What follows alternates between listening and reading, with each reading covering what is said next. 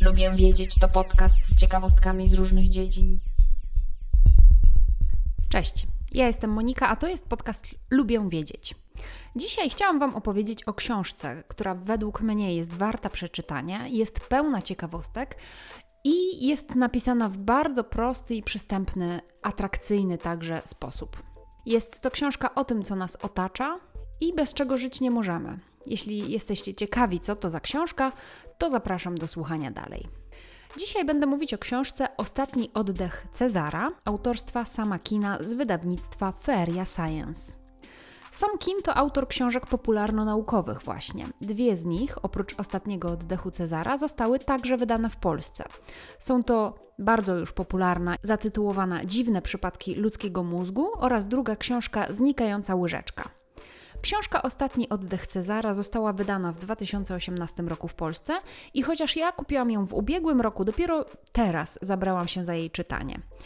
I muszę przyznać, że ta książka pochłonęła mnie bez reszty i bardzo mi się podobała. Jest to książka tego typu, która ma mnóstwo ciekawostek, ma mnóstwo anegdotek dotyczących naukowców, historii związanych z różnymi odkryciami naukowymi, a także drogi dojścia do różnych rozwiązań, do, do różnych odkryć. Są tu też opisane nieudane eksperymenty, co według mnie ma dosyć duże znaczenie, bo pokazuje, że również poprzez porażki jesteśmy w stanie dojść do czegoś istotnego, ważnego. Ale o czym w ogóle jest ta książka? Otóż jest ona o powietrzu, czyli o tym, co nas otacza, bez czego nie możemy, tak jak wspomniałam na samym początku, żyć i co także zmieniało się na przestrzeni dziejów Ziemi. Dowiemy się więc o tym, jak powstała pierwsza, druga, trzecia, a nawet czwarta atmosfera Ziemi. Gdzie się zaczyna ta atmosfera, gdzie się kończy, jakie gazy składają się na powietrze i jakie są odkrycia związane z tymi właśnie gazami.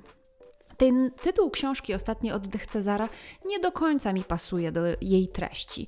On jest związany ze wstępem autora.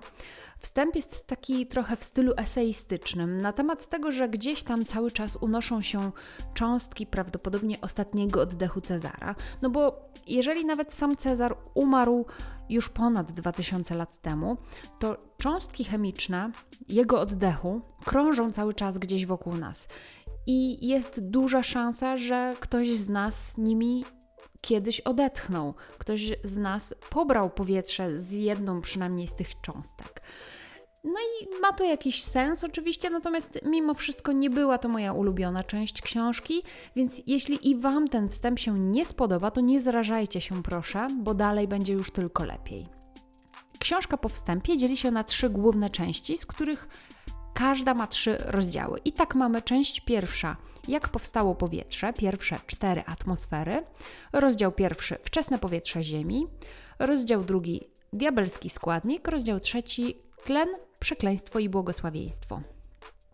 Część druga, ujarzmiając powietrze o gazach i ludziach. Rozdział czwarty, gaz, który czyni cuda. Rozdział piąty, chaos kontrolowany. Rozdział szósty, ku wielkiemu błękitowi. I trzeci, trzecia część pogranicze nowe niebiosa. Rozdział siódmy przykre skutki opadu. Rozdział ósmy wojny pogodowe. Rozdział dziewiąty dostrajając się do obcej fali. I w pierwszej części już właściwie pierwsze słowa po, poza tym wstępem e, były bardzo dla mnie interesujące, bo tam zaczęło się coś, co jest dla mnie ogromną fascynacją, były to wulkany, bo to one właśnie były siłą sprawczą, która doprowadziła do powstania atmosfery ziemskiej. Dowiedziałam się m.in. o czymś, o czym wcześniej nie słyszałam, o wybuchu wulkanu Świętej Heleny, o wybuchu góry zwanej Świętą Heleną w 1980 roku. E, I ta historia o wybuchu była okraszona fantastyczną historią upartego mieszkańca podnóża tej góry, który pomimo ewakuacji ludności z powodu właśnie zagrożenia wybuchem tej góry, tego wulkanu, nie chciał opuścić swojego domu.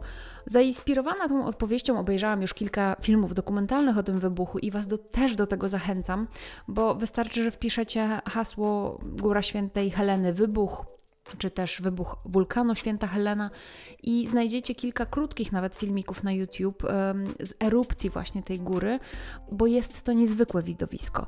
Góra się zapada, a ogromna chmura pyłu, pumeksu i gazów wystrzeliwuje w niebo i opada na ziemię w naprawdę niezwykle spektakularny sposób. Blisko 2000 lat zabrało górze świętej Heleny wytworzenie eleganckiego stożka, a tylko dwie sekundy jego zniszczenie. Góra natychmiast skurczyła się z 2 km 950 metrów do 2 km i 500 metrów, rozrzucając po okolicy około 400 milionów ton materiału skalnego. Pióropusz czarnego dymu wzniósł się na ponad 25 km, a niebo przecięły wulkaniczne błyskawice. Wyrzucony przez świętą Helenę pył rozproszył się nad wielką częścią USA, Oceanu Atlantyckiego, a okrążenie Ziemi zajęło mu 17 dni. Erupcja uwolniła energię około 27 tysięcy razy większą niż energia pierwszej bomby atomowej, tej zrzuconej na Hiroshima. To był cytat z książki, i właśnie takie ciekawostki znajdziecie w tej książce. W dalszej części jest na przykład tajemnicza historia z Kamerunu, o której akurat tej konkretnej historii już słyszałam wcześniej, ale jest opisane również w ciekawy sposób, jak to w ciągu kilku noc, w, w ciągu jednej nocy, w kilku wioskach otaczających jezioro w Kamerunie zmarło ponad 1700 osób i ponad 3,5 tysiąca zwierząt i nie wiadomo było na samym początku, co to się wydarzyło. Nie było żadnych śladów um, przemocy, żadnych śladów, um, nie wiem, pobicia czy czegokolwiek. A o tym, co było przyczyną tej katastrofy, przeczytacie w książce, bo to jest naprawdę niezwykła historia. Dalej przeczytamy na przykład o historii dwóch niemieckich naukowców, Karla Boscha i Fritza Habera. Obaj zostali później laureatami Nagrody Nobla w dziedzinie chemii z różnych powodów. Obaj też przyczynili się bardzo do rozwoju nauki, pomogli w odkryciu nawozów azotowych, co z kolei przyczyniło się do zwiększenia efektywności rolnictwa. Nie wiem, czy na przykład wiedzieliście, że dopóki takich nawozów nie wynaleziono, to różnego rodzaju nawozy naturalne były w ogromnej cenie i na przykład w 1856 roku Kongres Stanów Zjednoczonych przegłosował tak zwaną ustawę Guano Islands Act która pozwalała obywatelom amerykańskim zajmować w imieniu kraju wszystkie niezajęte wyspy, jeśli były one tylko trochę zanieczyszczone ptasimi odchodami, bo te ptasie odchody z kolei były świetnym nawozem i w ten sposób Stany Zjednoczone dostały w prezencie, że tak powiem, kilkadziesiąt małych wysepek. Niestety obaj naukowcy, o których wcześniej wspomniałam, zarówno Bosch i Haber, zostali także uznani za zbrodniarzy wojennych, bo ich odkrycia pomogły także w wynalezieniu gazów bojowych, które użyto po raz pierwszy w trakcie I wojny światowej. W książce znajdziecie też fascynującą historię Alfreda Nobla, który wynalazł nitroglicerynę, a wraz z nią dynamit, i choć dzięki temu ludzkość sporo zyskała, bo tak naprawdę dynamit ułatwił komunikację, bo dzięki niemu budowano tunele w górach, różne kolejki podziemne, które skracały podróż, a także ułatwiał pracę górnikom. A jednak dynamit znalazł też zastosowanie w minach i bombach, co niestety nie przysporzyło Alfredowi Noblowi sympatii tłumów. Posłuchajcie tego cytatu. A jednak z tego, jak bardzo świat go nienawidzi, zdał sobie sprawę, gdy w 1888 roku w Cannes zmarł jego brat Ludwik. Kilka dni później jedna z francuskich gazet, uznawszy przez pomyłkę, że chodziło o Alfreda, opublikowała nekrolog zatytułowany Zmarł handlarz śmiercią. Alfred, mieszkający wówczas w Paryżu, aż się zatrząsł. Był dla nich zwykłym mordercą. Zdeterminowany, by ocalić reputację, zmienił testament i ustanowił fundusz, z którego miały zostać wypłacane nagrody dla tych, którzy dokonają wielkich odkryć w chemii, fizyce i medycynie. By uczynić zadość młodzieńczym marzeniom, zaplanował też nagrodę w dziedzinie literatury. Aby choćby częściowo odpokutować za handel narzędziami śmierci, wprowadził również nagrodę pokojową. Więc jak widać, gdyby nie to, że miał złą reputację, to może niekoniecznie byłaby później nagroda Nobla. Takich historii jest w tej książce na pęczki. Jest na przykład historia też niezwykle fascynująca Le Petoman, czyli tak zwanego pierdziela, który występował w Moulin Rouge. W 1894 roku pierdziel był najlepiej opłacanym artystą scenicznym. Posłuchajcie cytatu. Po dwóch latach stał się najbardziej opłacanym, scenicznym wykonawcą we Francji, zarabiając na niektórych pokazach nawet 20 tysięcy franków, ponad dwa razy tyle, co legendarna aktorka Sara Bernard.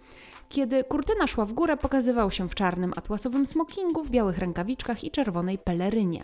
Zakładał smoking, by zwiększyć komizm widowiska, ale też dlatego, by ukryć wysiłek, jaki kosztowało go ciągłe puszczanie gazów.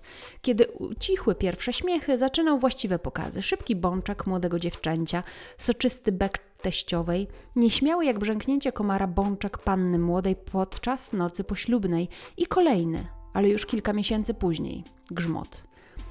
Pierdziel naśladował następnie dźwięki wydawane przez koguty, sowy, kaczki, ropuchy, świnie, a nawet psa, którego ogon przytrzaśnięto drzwiami.